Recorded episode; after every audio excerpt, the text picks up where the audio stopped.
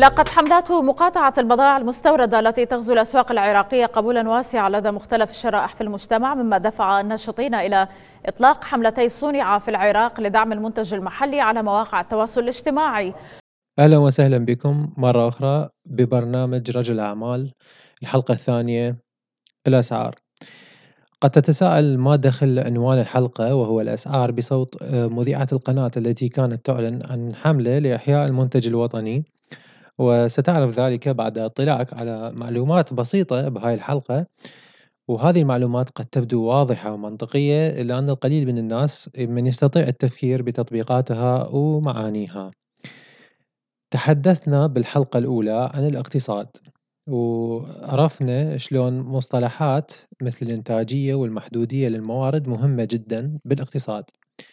بهاي الحلقة حنتحدث عن الأسعار وكيف تقوم وكيف تقوم اقتصاد السوق الحر وكيف تقوم بتنظيم توزيع الموارد وتخصيصها على القطاعات الكافة. كذلك سنقوم بعرض ما يحصل في الأنظمة الشمولية مثل الأنظمة الاشتراكية وغيرها اللي تتبع اقتصادات مركزية.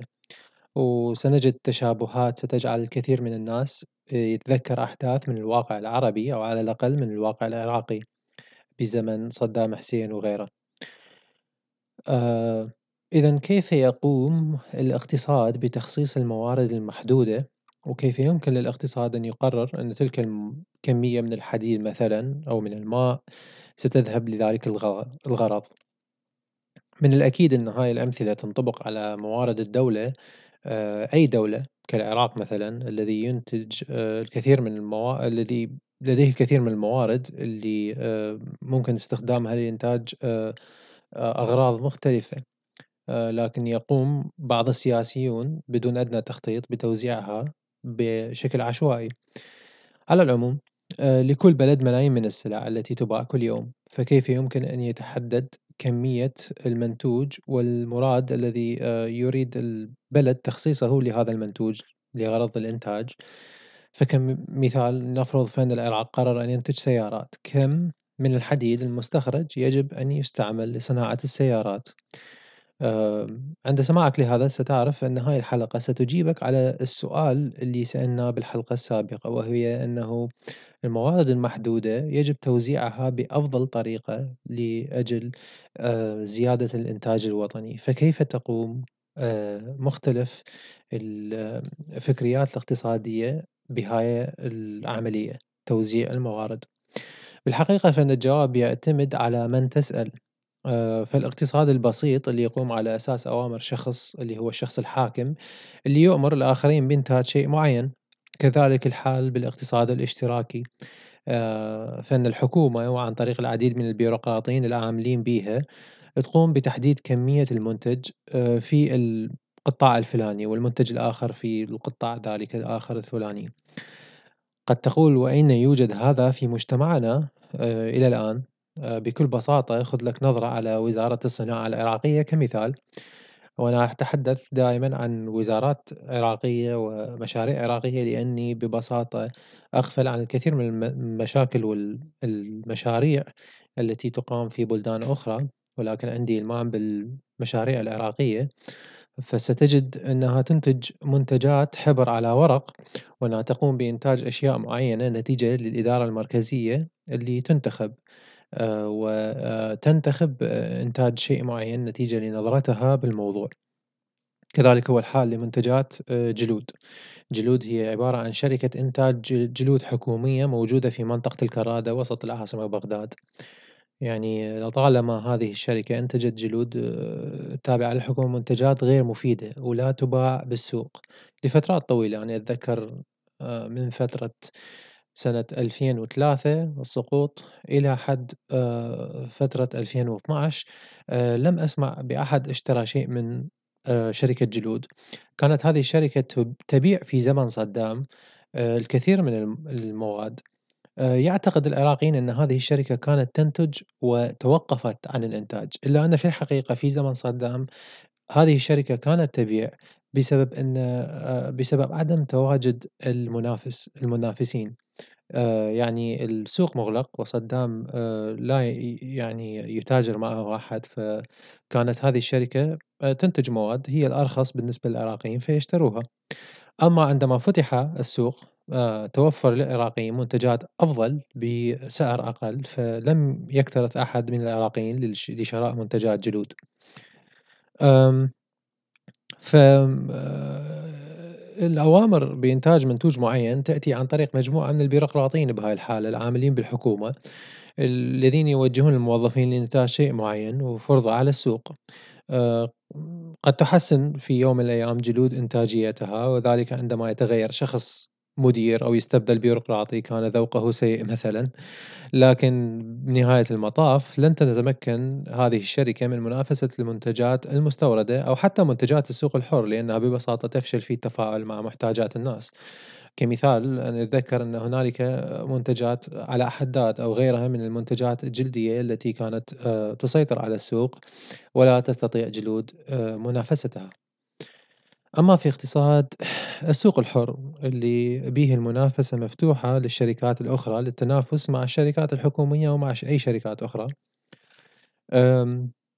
فإن عملية توزيع الموارد واختيار الأسعار لا يتحكم فيها أحد معيّن كبيروقراطي أو شخص يشتغل في الحكومة، وأن هذا الشيء قد يكون محيّر لمعظم الناس في البداية، فكلنا نرتاح عندما نسمع أن هنالك شخص مسؤول ولا نحب العشوائية.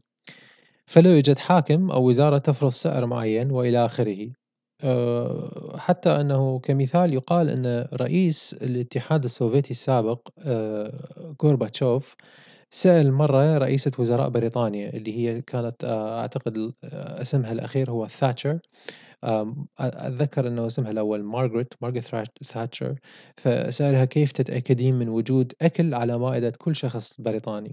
وهذا يعني السؤال يدل على أنه الأشخاص اللي كانوا عايشين بالاتحاد السوفيتي قد يكون لهم نوع من أنواع يعني الحصة التموينية أو الحصة الأساسية اللي كانت توزعها الحكومة على الناس. فتعجب لأن السوق الحر آآ ببريطانيا لا يوزع هاي المواد على ال الأشخاص العايشين بال بالمجتمع، يعني الشخص البريطاني ليس له حق في أن يستلم هذه الحصة التموينية. فت تعجب وتساءل كيف لرئيسة الوزراء أن تتأكد أنه كل الأشخاص البريطانيين عندهم ما يكفيهم من الأكل.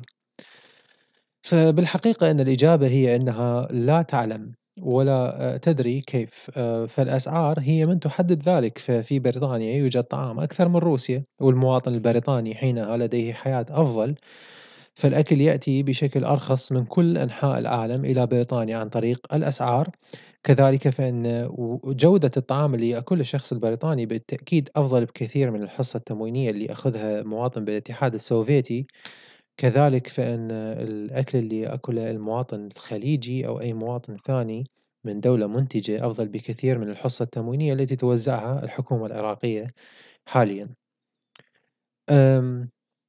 قد يتخيل البعض أن عدم وجود جهة تسيطر على الأسعار يجعل الأمور عشوائية، آآ إلا أنها ليست كذلك تمامًا، آآ فكل منا يبحث عن مصلحته الشخصية. آآ كلنا نبحث عن أفضل اتفاق بيننا وبين المنتج للسلع، أي منتج لأي سلعة عندما تقوم آآ بالتفاوض معه على السعر آآ تستطيع أن تخرج بأفضل اتفاق، فإن استطعنا أن نجد منتج كمثال لسلعة معينة ينتج هذه السلعة بشكل أرخص، سنتوجه مباشرةً للمنتج الأرخص، فنشتري منه، وعندها سيجبر صاحب المنتج الأول على تخفيض سعره أيضًا، فتنزل الأسعار للسلع بالتأكيد. هذا هو ما يحدث في مع جميع السلع، يعني هذه هي العملية التي تؤدي إن أنه السلع تنخفض أسعارها. لو لو كن كنا نريد أن نخصص سعر ما لكل شيء مثل ما هو حاصل في كثير من البلدان الاشتراكية، فإن هذا سيتطلب الكثير من الموظفين اللي يجب أن يعرفوا قيمة كل شيء، يحتاج المواطن ويحددون سعر كل حاجة بالسوق. وتأتي معها مشاكل الرشاوى طبعًا، لأن هؤلاء الموظفين يستطيعون تحديد سعر معين لمادة تنتجها الشركة الفلانية، فممكن أنه بإعطاء الرشوة يجعلون هذه السلعة أغلى فتستفاد تلك الشركة. فتفضيل شركة على أخرى بالتأكيد يجلب الكثير من الأموال لهؤلاء البيروقراطيين الذين يشتغلون في الحكومة. أما بالاقتصاد الاشتراكي اللي يشتغلون به هؤلاء البيروقراطيين السياسيين تحد تحدد الحكومة كل شيء فيه. يستحسن أيضا أن تكون الحكومة تعين موظفون خبراء اقتصاد يعني ليستطيعوا التأكد من سعر كل سلعة. فبالأخير هم محكومون بكمية المتوفر منها وكمية الطلب. فبالتأكيد كل شيء يتبع العرض والطلب. وحتى تفهم هذا الشيء سنعطي مثال من الواقع. فكمثال كلنا نحلم أن نعيش في بيوت على النهر. أنا أحلم بالعيش في بيت على النهر وكذلك أنت. آه، وقد نرى أن الأسعار هي العائق الوحيد اللي يمنعنا من أن نعيش في تلك البيوت الجميلة. فقد نقول أن التجار الرأسماليين هم من يقومون بشراء تلك البيوت لأنهم أثرياء فتأتي الحكومة كمثال افتراضي فتحدد سعر البيت بسعر أقل من سعره في السوق. وحتى لو فرضنا بأن الحكومة ستقوم بإجبار الأسعار للهبوط اصطناعيا بالقوة هذا لا يعني أننا لدينا كمية محدود لا محدودة من البيوت على النهر على ضفة النهر. فحتى لو أصبح البيت على ضفة النهر هو حق من حقوق الفرد فلن تستطيع الحكومة أن تعطي كل فرد في المجتمع بيت على النهر لقلتها أو محدوديتها. فتكون في مثل هذه الاقتصادات قدرتك على شراء تلك البيوت ليس بأسعارها الباغظة الثمن لكن بقدرتك على أن تصل أولا آه، لشراء البيت في حال كانت الحكومة نزيهة طبعا. يعني كمثال تسوي قرعة وتأخذ أسماء ناس وتسحب من القرعة أو قدرتك على رشوة موظف في الحكومة ليضع اسمك على أعلى دستة الطلبات أو تزوير قرعة السحبة على تلك البيوت. ففي الاقتصاد الاشتراكي البحث يكون أغنى أغنى الناس هم من يعملون في الحكومة لأنهم لديهم الفرصة لأخذ الرشاوى من الآخرين وإعطاء امتيازات صلاحياتهم. فالأسعار آه، مثل ما تلاحظون هي مثل الأخبار. يعني آه، مثل هذا الخبر أن البيت هذا غالي لأن فيه شيء معين فتزيد يزيد الطلب عليه. تعطيك تلك الأسعار أخبار السلع المعينة فتقول أن هذه السلعة أرخص أو أغلى على حسب وفرتها والطلب عليها. وأكيد كلما زاد الطلب يعني أن تلك السلعة مرغوب فيها. فكلنا نتذكر كمثال الكمبيوتر. عندما نزل إلى السوق كان باهظ الثمن جدا نتيجة ارتفاع الطلب عليه وقلة الشركات المصنعة له بالتأكيد. لكن زيادة إنتاجيته من شركات منافسة أدى إلى تواجد أسعار أرخص وبالتالي نزول أسعار جميع الكمبيوترات. مع العلم أن الطلب على الكمبيوترات زاد فزيادة الطلب لا تؤدي بالضرورة إلى زيادة آه، السعر. إلا عندما يكون الإنتاج متوقف أما عندما تدخل شركة منافسة بالطبع آه، ينزل السعر حتى وإن زاد الطلب. نفس الشيء بالنسبة لأي سلعة في السوق. فلو افترضنا كمثال أنه تم اكتشاف مصدر رخيص للحديد في مكان ما. ستجد أن أسعار الحديد ستنزل نزول سريع لوفرته وكثرة المتنافسين الذين يستخرجونه بأقل سعر ممكن.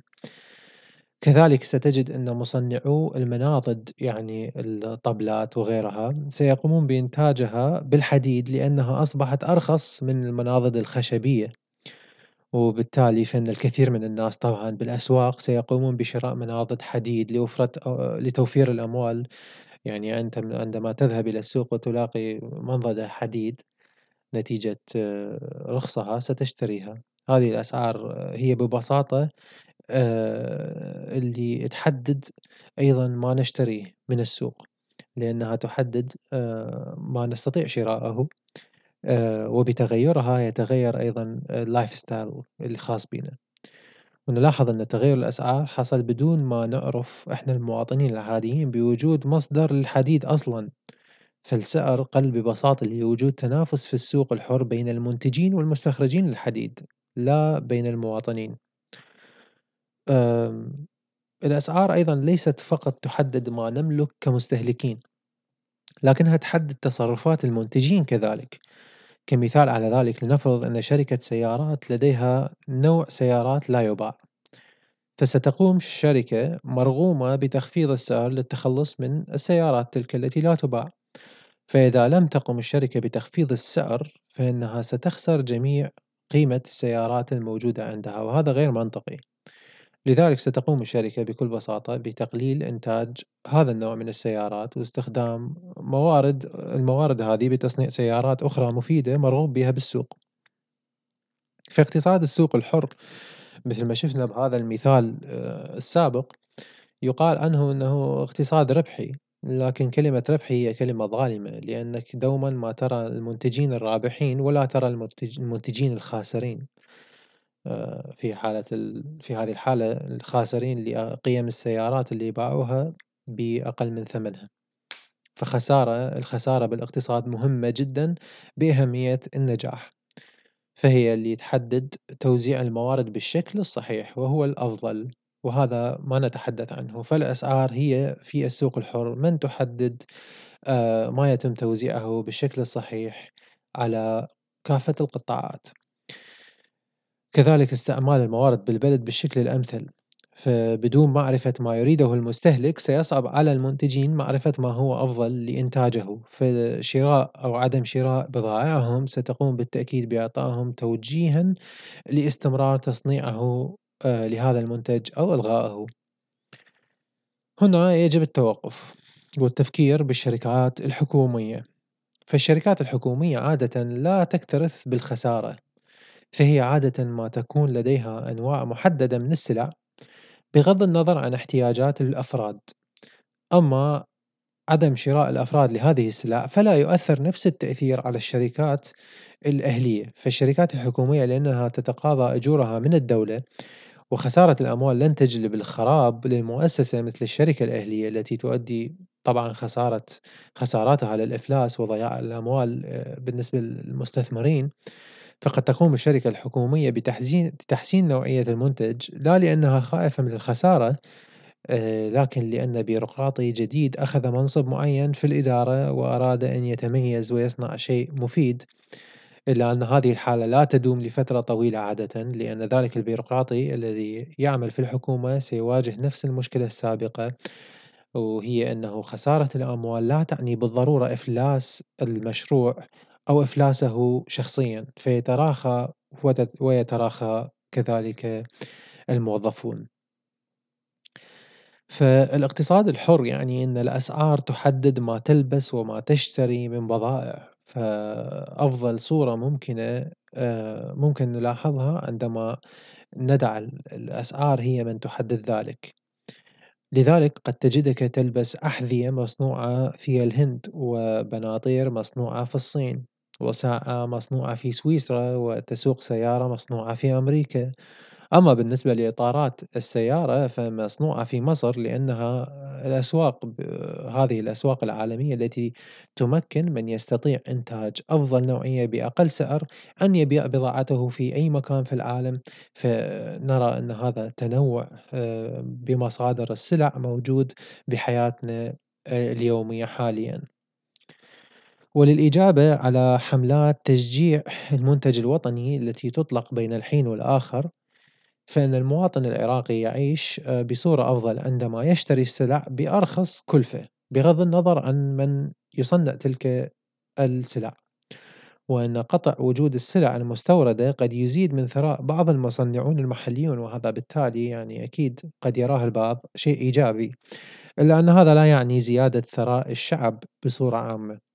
لأن الشعب سيدفع أموال أكثر آه، فتقل قدرته الشرائية ورفاهيته لأنه سيقوم بشراء آه، منتجات بشكل أقل آه، وقيمة وكذلك جودة أقل. كذلك فإن المصنع المحلي لن يكون لديه الدوافع والحوافز أن يقوم بتحسين طرق إنتاجه أو تقليل مصاريف العمل لإنتاج شيء جديد. بصورة تنافس المنتج المحلي أو أو المستورد، لأنه ببساطة تقوم الحكومة أما بدعمه بالمال أو بفرض ضرائب على المنتج المستورد، فيكون الشعب الخاسر في الحالتين. حيث يدفع أموال كثيرة ليكون لديه منتج أسوأ ليصبح المصنع المحلي أغلى أغنى بدون زيادة ثراء المجتمع أو تقديم شيء نافع يستطيع من خلاله المنافسة بالسوق الحر.